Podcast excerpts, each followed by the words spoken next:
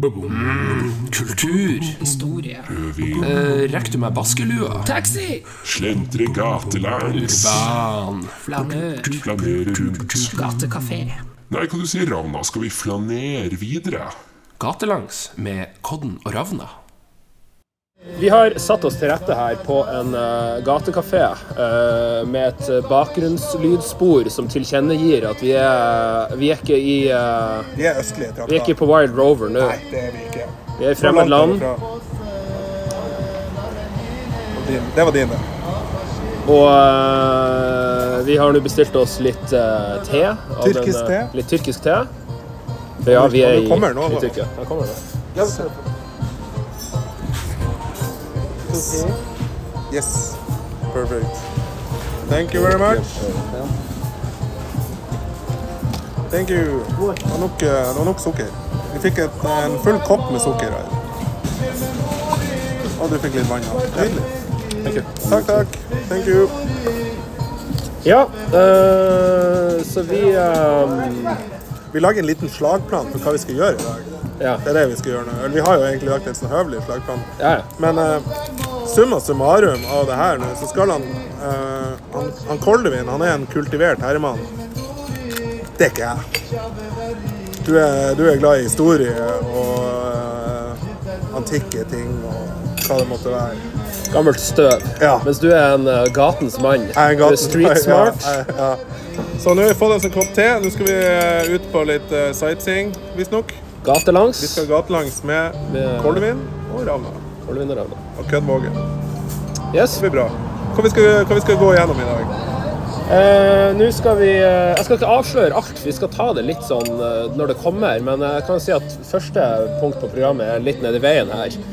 Eh, vi skal til hippodromen. Hippodromen, ja. Den gamle hippodromen. Ja. Så uh, ser vi hvordan det går, om jeg klarer å bli bitt av uh, antikkbasillen. Eller ja. historiebasillen. Ja. Jeg har lært litt allerede. Og kanskje. Så får dere også være med på ting som ikke er så kultivert. Eh, Husk på at det er ikke bare høykultur som er kultur, det er også Nei. lavkultur. Ja, det- så kanskje det- vi, det er med- det er med- kanskje vi får slurpa i oss noe lavkultur også. Ja, altså På veien så har jeg gjort litt shopping. Jeg har jo vært og kjøpt meg sånn Apropos lavkultur. Ja, rumpetaske. Jeg har fått meg rumpetaske, så nå ser jeg ut som en sånn uh, nyrik russer Ja. som er på tur. Det er det verdt for den eh, vakre lydkulissa vi fikk her. Ja, ikke sant? Vi, ja, vi måtte bare ha bakgrunnslyden. Men vi, uh, vi høres plutselig. Vi fortsetter opptaket senere. Ja. Mus, mus. Uh, vi sitter nå i uh, enda av uh, den gamle hippodromen i Konstantinopel. Ja.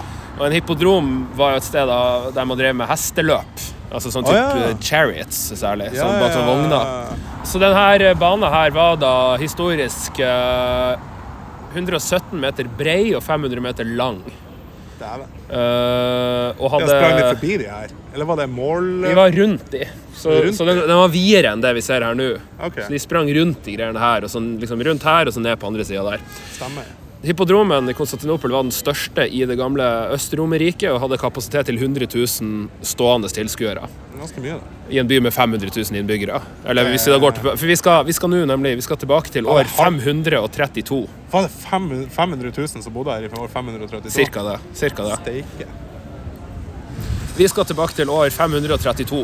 Uh, og da, uh, rundt nyttår der, rett over nyttår, så var det tradisjonelt sett det- liksom noen store hesteløp eh, i hippodro- hippodromen her. Ja. Eh, så du kan si at det er litt sånn som at uh, den tysk-østerrikske hoppeuka er stor stas for folk som er glad i hopp.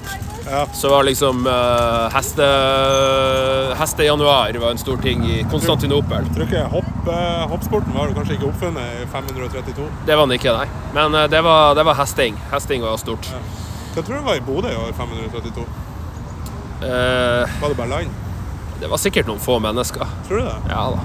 Ja, da det, jo, jo, jo, jo, det var det. Det er jeg ganske sikker på. Men i alle fall, da. Eh, Berg. I, eh, i eh, Øst-Romerriket, som det her si, landet heter på den tida det her var, Nei, altså det her, det her År 532 det er nesten 1000 år før tyrkerne kommer og invaderer den byen her. Ja. Uh, så da var det mye sånn ish grekere som bodde her. Eh, og det var hovedstaden i det østromerske riket. Og på de hesteveddeløpene, eller hesteløpene, så hadde de De hadde uh, forskjellige lag som konkurrerte. Ja. Og de lagene hadde forskjellige farger. Så om jeg husker rett, så var det til å begynne med så var det uh, blå, grønn, hvit og Jeg husker ikke hva den siste fargen var. Men Ja. etter hvert så utkrystalliserte det seg at det var først og fremst de blå og de grønne som var de store hestelagene. Ja. Og de fikk også da tilhengerskarer ja. som støtta de her lagene. Så der den første supporterkulturen eh, vokste fram. skal ikke si at det var den første supporterkulturen, Ja, men det det var definitivt en supporterkultur. Og det er det vi skal Det er derfor vi er her, for å snakke litt om supporterkultur. Og så, og så tente de sånn her eh, Hva det heter Bluss. Bluss. Sånn Ja, gamle, altså- gamle bluss bak i tida. Jeg kan iallfall si såpass at det ble litt tenning i år 532. Ja, det kan jeg tenke på. Uh, det hadde vært eh, For de her de blå og de grønne de var rasende rivaler. Ja. Og de var ikke bare supportere, på en måte. De, var- de utvikla seg til å bli litt sånn slags sånn politiske partier og mafia. De var litt forskjellige ting. De var opptatt av mye forskjellig. Uh, men de var også opptatt av, av hestesport og, og håndgemeng, ikke minst. Litt, litt sånn som Vålerenga nå, da. Ja. Ja. Og, og det ble jo ofte håndgemeng eh, under og etter de løpene her. Og, og eh, det hadde da blitt sånn i innspurten til de hesteløpene i januar 532. Ja. Så da var det noen eh, blå og grønne ledere som hadde blitt arrestert og dødsdømt. Ja. Og de skulle henrettes, og de klarte å henge fem av dem. Men de siste to klarte de ikke. Altså da, de, de, klarte ikke å henge dem? Nei, altså de eh, tauet røyk eller noe sånt, så de ramla ned. Og da var det noen munker som redda dem og, og gjemte dem bort i kirke. Og i kirka der kunne ikke liksom, myndighetene komme inn og hente dem ut. Nei. Og så begynte det alle de her supporterskarene å liksom kreve av keiseren som var til stede i hippodromen. Og krevde vi, Slipp fri, slipp dem fri, slipp dem fri. ikke sant? Eh, og keiseren sa nei. Og så, Nå gjør jeg kort, nå forenkler jeg historien litt, men det Ja. som etter hvert skjedde, da, var at uh, de her supporterne som tradisjonelt sett aldri var enige om noe, og stort sett bare sloss og drepte hverandre, De, de fant litt forsoning. de fant litt forsoning, og så begynte de å rope da, ikke sant, i en muligens full hippodrom Ja. Nika, Nika. Som betyr det, Jeg tror det er der Nike kommer fra, men det, det er et gresk ord som betyr noe sånt som seier. Oh, ja. Og da, Det skremte keiseren, så han, Ja. han stakk tilbake til palasset sitt. Og, Ja. og da var folkemengden, eller de her supportergjengene, var såpass fyra opp at de kort sagt begynte å tenne på ting. Så de, de begynte å brenne hippodromen. eh, De satte fyr på noe badeanlegg borti her, og så blåste det mye, så det spredde seg til Aya Sofia, den store kirka som Det er ikke den kirka, men det er ei anna som ligger her rett i nærheten, som vi ikke ser nå. Stemmer. Eh, Som i dag er en moské. som i dag er en moské. Eh, og det her sto nå på i ei ukes tid, tror jeg, og bølga frem og tilbake. Og det kulminerte da med at de her folkemengdene klarte å finne tak i en rival til keiseren og dro han med til den delvis nedbrente og raserte hippodromen Ja. og krona han til keiser med ei gullenke. OK. Og det her var jo ikke Det her syntes jo ikke keiseren noe særlig om, da, så da sendte han inn uh, soldater ledet av den berømte, eller ja, for den legendariske general Belisarius. Ja. Eh, Han, ja. Ja, ja, han, inn, ja. inn i hippodromen fra to sider. Og i hippodromen var det samla rundt uh, jeg tror rundt 50 000 ja. Eh, hva si, opp, opprørere. Hartford Da- stadion. Ja, og da kom, eh, da kom, eh, kom Belisarius inn fra den ene sida, og en annen fyr kom fra den andre sida med soldater. Så de her 30 000, eller 50 000 ble liksom trykka mellom to hva skal si, Innestengt mellom to fronter av soldater. Ja. Uh, så det ble massakre. Ja. Uh, og, sånn det blir. Sånn det blir. Ja. Og eh, når alt var over, så lå eh, anslagsvis 30 000 igjen døde på stadion og litt ellers rundt i byen. Og, og halve byen var nedbrent. Sorry at jeg flirer, men det er, jo- det er jo ganske vilt. Ja. Så, så det var litt sånn supporterhistorie, da. Ja. Her fra, fra Istanbul. Jeg vet, ikke om vi, kanskje nevnte i forrige innslag at vi er altså i ja, Istanbul. vi er i Istanbul. Vi er i Jeg tror Istanbul. kanskje vi glemte det. Vi glemte å nevne det, men vi er, vi er i Istanbul. Så hvis de som har gidda å høre Ja. på det helt på til nå, så bare jeg Hvor faen er det igjen? Ja. Jeg tror kanskje de skjønner det når vi legger det ut etter en besiktighetskamp. Det er fare for det. Ja, at det er veldig mye sånn historie. Ja. Uh, den, Så jeg, ikke, jeg kan kanskje trekke tilbake det, var, det er ikke litt, litt eh, det, det, er ikke, det blir en litt ufin sammenligning å sammenligne med Eng- Vålerenga.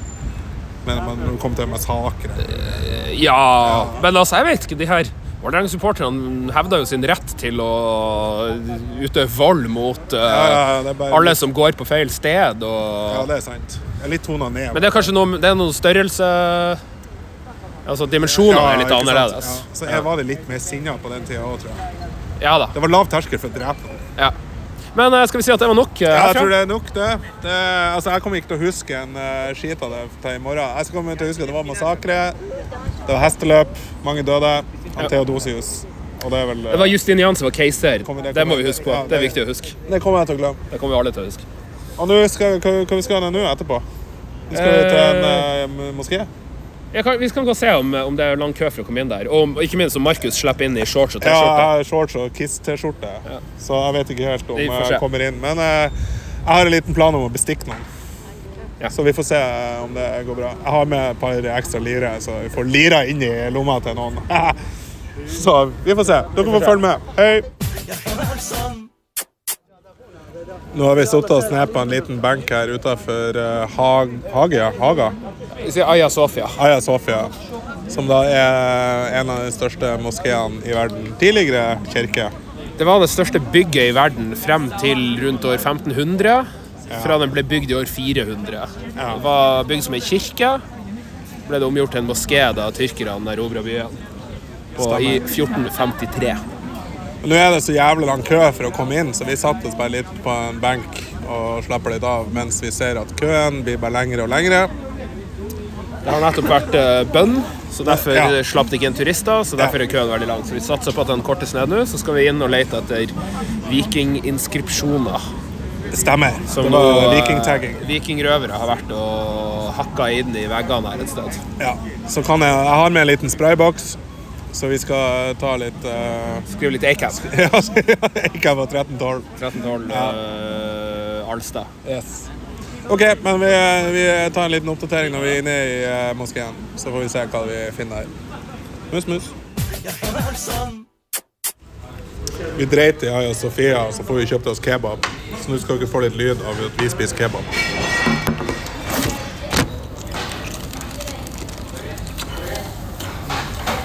Det skiller den her fra en norsk bab. Du kan ikke sammenligne deg med en norsk bab. Det er ingen mais her. Er det er ingen isbergsalat. Er? Kjøttet er ikke muk fylt av eh, bobler. Eh, brødet er et sånn tynt, nybakt eh, et eller annet som ikke er nytint eldorado-pitabrød. Ja, det skal brødet er jo jævla godt. Hva du har på deg? Jeg bestilte uten sylteagurk. Fikk ekstra sylteagurk. Det brødet var sykt godt. Det var godt også, men det, bare, det trenger bare litt eh, fuktighet i sausen i form av en saus. Det var nok feisty. Kom tilbake for mer fra Ravna og Koddens uh, gourmeteventyr. Ja, Puss, puss. puss, puss. Da har vi kommet oss eh, videre. Vi har tatt eh, trikken en liten Et lite stykke smekkfull trikk. Så nå er vi kommet til eh, gamle bymurene, der det visstnok ble erobra noe greier. Og så sitter vi og ser på en plass som heter Panorama 1453. Og så er det et jævla stort rør som står utafor. Og da stoppa han Koldevin meg og sa at nå tar vi og stopper her, nå skal jeg fortelle deg noe artig. Hva var det artige du skulle fortelle meg, Koldevin? Nei. Gamle Konstantinopel var hovedstad i Øst-Romerriket fra år 330 til 1453, da osmanerne, altså kan si en slags forgjenger til dagens Tyrkia, erobra byen.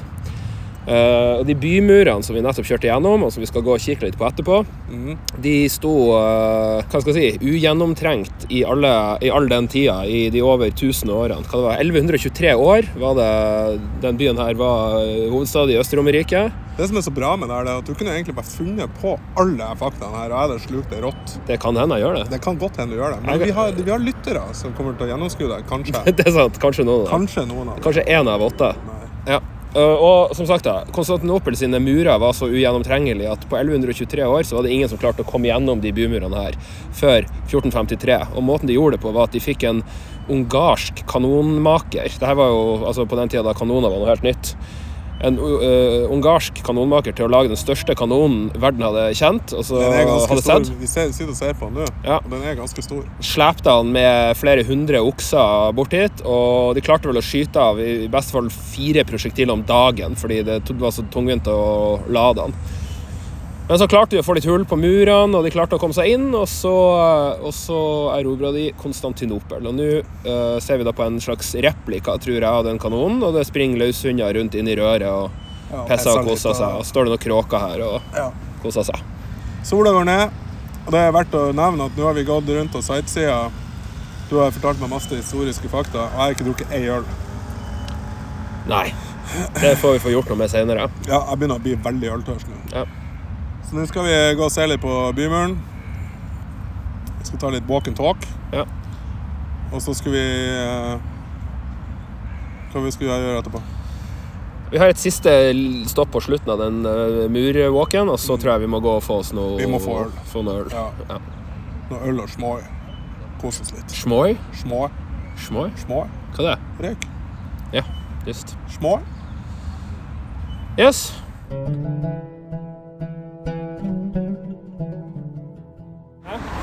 Så nå går vi ved eh, gamle bymuren. Den er ganske fin, men den ser ganske ny ut. Kødvåg. Ja, vi er langs et, eh, et stykke av den som er litt, eh, Restaurert. litt restaurert. Eh, mye av det er ganske forfallent, og jeg har inntrykk av at tyrkerne er ikke så de er ikke så opptatt av de murene her, fordi det var ikke de som bygde dem. Hvis man Nei, skal si det litt, uh, Ja, litt spiss. stemmer. Det er veldig fin. Det er veldig stor, uh, en stor mur. Vi kan jo bare beskrive den for folk. Det er jo, Ja, det er jo murstein. murstein. Murstein, og så er det Ja. det klart. Den har eh, Det er vel to hovedmurer. ja. Og den ene er Hvor høy vil du si at den, den høyeste er her? Hovedmura? Halvt eh, sassetall. Ja. Alle vet hvor høyt satsetallet er. Det er jo målenheten- mål- ja. alle kan. Ja. Ja. Så det er en fin mur. Og og så er det rett attmed motorvei, så det bråker jo noe inn i helvete. Også kjent som Istanbul. Også kjent som Istanbul. ja. Alltid kø. Alltid mye folk. Vi har tatt trikken et par ganger i dag òg. Smekkfullt hver jævla gang. Har ikke så fått sittet på trikken ennå. Men det som vi skal gjøre litt artig senere i dag, vi skal jo ta tunnel. Vi skal kjøre tunnel. Vi skal kjøre tunnel. Det gruer jeg meg litt til, men han, kødvågen han her, han har lova at han ikke skal synge til meg, så da går det bra. Og bare for å poengtere det, tunnel er da ikke en hvordan som helst tunnel. Det er en finukular, som de kaller for tunnel. Altså en sånn slags trikk som går opp, eh, opp bratte bakker, litt sånn som eh, den i Bergen. Ja, det er litt en sånn fløybane. Ja. Men den går delvis i tunnel, og så derfor kaller tyrkerne den for tunnel. Ja. Men da går vi, vi, vi stopper her, og så fortsetter vi når vi kommer til ned det neste vi skal se. Det vet jeg ikke hva det var. Hei! Så nå er vi på vei til siste punkt for dagen på eh, historie, historievandringa i Istanbul. Jeg kjenner at jeg er ganske glad for at det er siste punkt, for nå er jeg fette øltørst. Jeg har så lyst til å drikke øl. Ja. Jeg har ikke drukket ei øl i hele dag. Vi har ikke gått så mye, men uh, vi har nå stått i tette trikker og tette busser. Ja. Så nå er vi, er vi på enden av bymuren nå. Ja, sånn cirka. Nå skal vi eh, se for oss for vårt indre øye at det er liksom siste punktet på denne uh, lille vandringa. For vi har det til felles med dere at uh, nå er det nesten helt mørkt, så vi ser ingenting. Nei. Så nå må vi bare forestille oss ting sånn som, sånn som dere gjør. Vi er nå ved uh, hva det blir da? Berlin. Ei ende av, uh, av bymura. Ja. Og her, borti, borti mørtna der Jeg liker, at du, liker at du peker og sier 'her' for lytterne våre. Borti mørtna. Han, han peker i, bort bort i mørtna. Ja. Ja. Eh, der eh, lå det en av portene i den gamle bymura. Eh, Ja. den porten som, Alle portene hadde et navn. Ja. Denne porten hadde da et navn som på norsk ville vært Den gylne port. ja. Eller Golden Gate på engelsk. Ja, ja, ja. Uh, Golden Gate i San Francisco er faktisk oppkalt etter Ah, ja, Etter den her porten. Ja, ja, ja, ja. I alle fall, den porten Relaterbart. var relaterbart. Ja. Og den porten her var da forbeholdt keiseren når han kom på et triumftog etter å ha vært ute på erobringsferd. Ja. Ja. Så det hadde en sånn symbolsk verdi, da. Eh, og da byen, eh, altså Konstantinopel, falt i 1453 og ble erobret av tyrkerne, Ja. så vokste det frem ei legende om at den siste keiseren, Konstantin den 11., tror jeg det var, Ja. han ble ikke drept i, i, i kampene, men han ble eh, tatt av en engel og gjort om til marmor og begravd under den porten. Ja, det tror jeg er tull. Og på en eller annen dag så skal han bli henta ut igjen av den engelen, Ja. Og så skal han ta med seg gre grekerne. Og de skal gjeninnta byen, erobre byen og marsjere inn gjennom den samme porten. Og Derfor har tyrkerne mura inne den der porten der, og mura den bort og stengt den bort, så Ja. ingen skal se den. Så ingen skal på en måte drive på med noe slags eh, hva ja, skal jeg si, ok. religiøse Så ritualer. her, det her er noe som kanskje ikke tyrkerne lærer på eh, skolen heller. De skal ikke vite om det. Nei, det vil jeg tro. Ja, stemmer. Stemmer. Uh, men det er jo en, det er jo en saftig, saftig myte da, at liksom, det finnes en marmorkeiser begravd under byen som skal bli frigjort av en engel, og, og, så, skal, og så skal grekerne komme tilbake og, og jage tyrkerne ut. Så det vi skal gjøre nå, vi skal gå og se på murstein. Nei, Jeg tror ikke vi skal, altså, Det er jo mørkt, vi ser Ja, vi ingenting. ser eller ingenting, så vi forestiller oss det. Men det ligger nå borti, borti høyet, så ligger det en murstein. Ja. Der under der ligger det Jeg, jeg fikk ikke med meg noe sa Jeg datt av.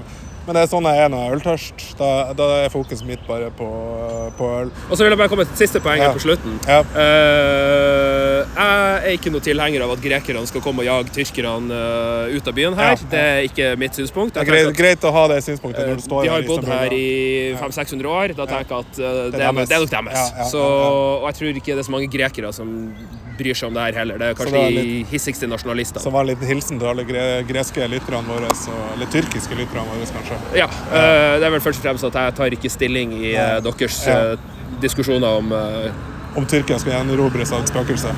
eh, Ja. Av ja, gresk spøkelse. ja. Puss, puss. Puss, puss. Hei og glimt. Hei, puss, puss.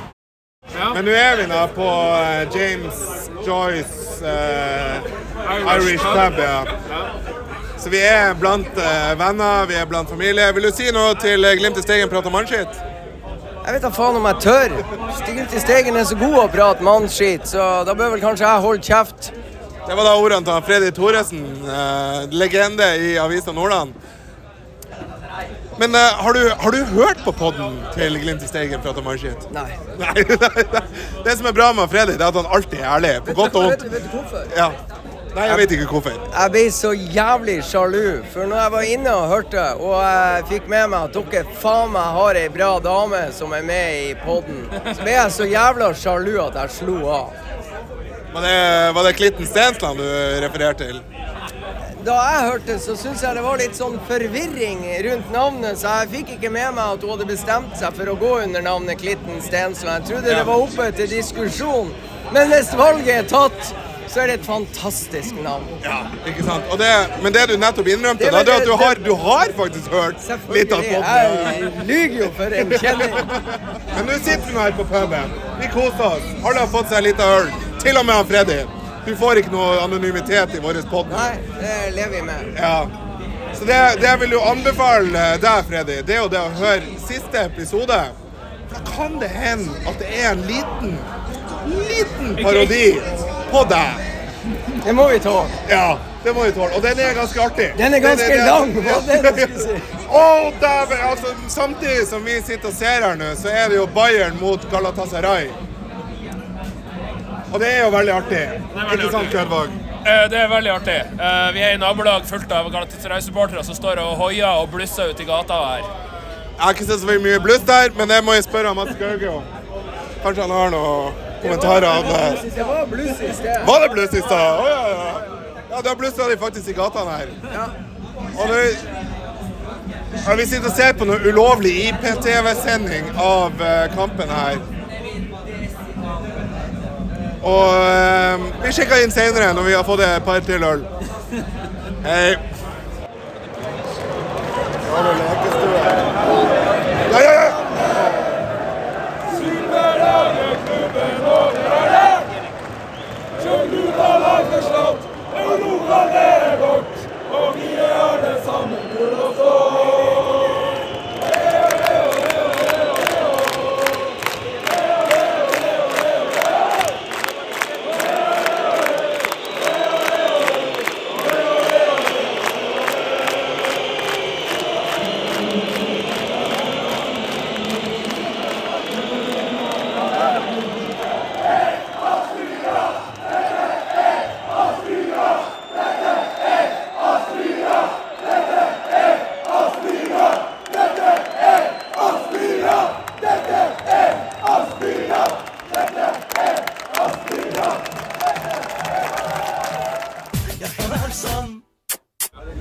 Puben etter kampen, og eh, Kødvågen, eh, hva er dine umiddelbare tanker etter kampen? Nei, det var jo fettartig. Helt enig. Det var en fettartig kamp. Uh, altså, det var så artig å se på. Det var så mye artig som skjedde. Og uh, kanskje upopulær ting å si, men det å stå helt så fette høyt oppe på en så bratt stadion Dæven, så godt vi så hva som skjedde, selv om vi sto i hjørnet. Det var helt nydelig. Ja, altså, stadion er en innertier. Det Glimt må få seg en sånn. Glimt må få seg en sånn. Vi kan skale ned, skalere den litt ned. Men eh, Bratt, bratt og med tak, Ja. og hele veien rundt. Og altså den, den eh, akustikken som er inne på stadion der, den er, det må jo være lov å si at den er ganske grei. For vi, vi fikk jo med oss litt piping. Det ble litt piping. Det ble litt piping. Fytti helvete! de begynte å pipe før, uh, før første målet til Glimt. Ja, ja. Og så ble det verre. Altså, de peip på Glimt fram til vi skåra, og så peip de på eget lag. Og så fortsatte de bare å peipe på, pip på eget lag, og det var fantastisk å høre. Og det, det lydnivået som de hadde Ja, det, det lydnivået som de hadde, helt eh, Det var Det var, det var 12 av 10. Det var helt artig. Men så var det jo det. Det opptakten eller Opptakten til kampen. Da satt vi jo på pub i god stund. Sang, kosa oss. Er du enig? Ja. Ja, takk. og så fikk jo da politieskorte. De har eget sportspoliti her. Som da eh, gikk, eh, gikk sammen med oss til stadion. Og eskorterte oss tilbake etterpå. Ja. Og nå til å begynne med, når vi kom tilbake her, så sto det vel 50-60 politifolk utenfor baren og passa på. Eh, nå har det tynna seg litt, men igjen her fortsatt sportspolitiet. Ja, jeg tror de aller aller fleste politifolkene har forsvunnet. Og da fant jo jeg mitt snitt å ta opp telefonen og spille inn et lite lydklipp til podden. Du som politiet, Bauschen, har forsvunnet. 13-12. Men uh, det var jo en ganske det, var, det tok jo en liten god halvtime etter kampen før vi kom oss ut av stadion. Vi måtte ha politieskortet tilbake. Men eh, Rask marsj eh, opp en eh, 50-60 høydemeters bakke. Altså hvis jeg, det, det kebaben, de kebabene jeg spiste dagen i forveien, de er, de er forbrent nå. For det, den bakken opp fra stadion etterpå, den er verre enn opp til Alfheim, eller Romsa som det nå heter. Romsa kraftselskap stadion. Så den var faen meg ille. Jeg er god og svett, og godt å sette seg, få seg øl. Og nå tar vi en liten debrief med resten av gjengen. Eh, men stemninga er jo eh, upåklagelig. Det vil jeg jo si. Og så uh, skal bare jeg si at uh, Jeg vil si at dagens stegværing tyrkiske politiet. Ja, tyrkiske politiet, det er, de er, det er bra, bra politi. Bortsett fra at det var jævla dårlig engelsk. Det var, det, det engelsken er, den er jævla dårlig. Så vi hadde jo litt problemer før kampen med at det var det var et par supportere som ikke kom inn på stadion, selv om alt var klarert på forhånd. Eh, og da ga vi beskjed til en politimann, som da viderebringte den beskjeden til neste politimann, som viderebringte tilbake mer og mer og mer. Til slutt så kom en politimann som kunne litt engelsk. Han ble forklart situasjonen. Alt løste seg til slutt, men det var litt eh, armer og bein før, før eh, kampen begynte. Det var noen bannere og sånn som ikke var helt eh, innafor, men så ble det innafor. Så politiet de var omstillingsdyktige. Og nå ser jeg jeg sitter og ser rett på sivilposten her. Står rett over gata her. Ikke han som går i søpla, men han andre. så det vil jeg si eh, kanskje en grei oppsummering så langt. Så får vi se hva kvelden bringer, om jeg skal gå og legge meg i fosterstilling, eller om vi skal gå på den voksenklubben oppe i gata her. Er du enig, Kedvåg? Takk skal du ha. Over og ut. Markus, sånn sånn Markus lukta på hendene sine nå. Jeg lukta på hendene mine. Det lukta en blanding med Chanel nummer fem og piss. Og, Det er ikke på grunn av at jeg pissa på og grunnen til det er at Markus er grunnleggende en god samaritan. Vi gikk ned gata, vi skulle prøve å få oss noe mat. Og da lå det en fyr på gata og prøvde å få seg en taxi. En litt forkommen fyr. Han, Og Markus, Markus går bort og skal prøve å hjelpe han. Og skal prøve å få tak i en taxi, og det var noen tyrkere som prøvde å hjelpe han, og så ga de opp litt. ja, taxien kjørte forbi. De ville ikke stoppe. Nei, taxien kjørte forbi, og de ville ikke stoppe. Og så eh, så han litt Han så litt forkommen ut. Veldig. Veldig forkommen. Men det de glemte å nevne da i det scenarioet der, det var at han fyren der hadde jo pissa på seg sjøl. Muligens litt ekstra. For når jeg prøvde å dra buksa hans opp i den drosjen, så kjente jeg lukta. Ja. Og da holdt jeg på å brek, Jeg brektes ganske greit når jeg hjalp han opp i den drosjen der. Og da lukta på hendene mine etterpå, så lukta det piss. Vi var, vi var på nippet til en situasjon der Markus sto og prøvde å hjelpe en fyr inn i en taxi samtidig som han spydde. Det var helt på Det var veldig på nippet. jeg Markus har en sensitiv spyrefleks. Uh, hvis det lukta ille, da brekker jeg. Og det, er, det var veldig rart. Så det hadde jo vært en litt komisk situasjon hvis han var halvveis inn i drosjen og jeg spydde over ham. Men heldigvis gjorde jeg ikke det, så nå er vi i hvert fall her for å få oss litt fingermat. på fingrene. Mar Markus har fått seg Det skal si seg. Vi var inne på en kiosk, og Markus fikk seg litt rett i nærheten. Det var en fyr som hadde sett det som skjedde. Han, han, han, han, bøy- han bøy på litt antibac, eller eventuelt rosevann. Ja, det er nok, det er nok av det. Så nå- lukter derfor hendene mine blanding mellom Chanel nummer fem og piss. For jeg tror ikke det var noe antibac i den her. Så det er bra. Skal vi ha Hva var det pommes frites vi har bestilt? Nei, vi har vi har bestilt kjøttbollesandwich. Kjøttbollesandwich, ja. Men det er håndmat, i hvert fall. Det er sånn Ja. vi spiser med hendene. Ja. Jeg skal prøve å la være å ta på det. Jeg håper det er noe papir eller noe sånt rundt. Vi får se. Eh, det kan jo nevnes at de damene bak deg De sitter og spiser eh, din gode gamle venn Pazzo. Ja, så det, men de, de, men de spiste uten ketsjup og majones. Ja, de gjør det. De spiste en bar.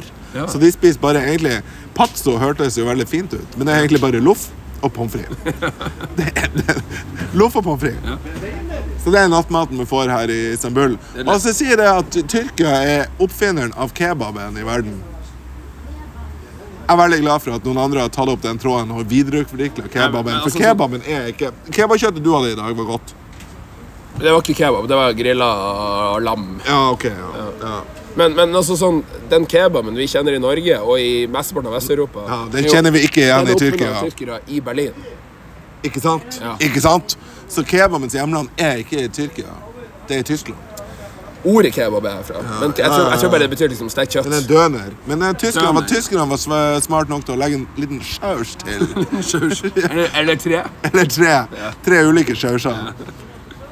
Tyrkerne eh, for har ikke forstått konseptet med saus ennå. Når de sier saus, så er ketsjup og majones. Og når de er med i majones, så mener de jævla mye majones. Litt for mye. Men da sier vi adjø herfra. nå. Puss, puss. Puss, puss. puss.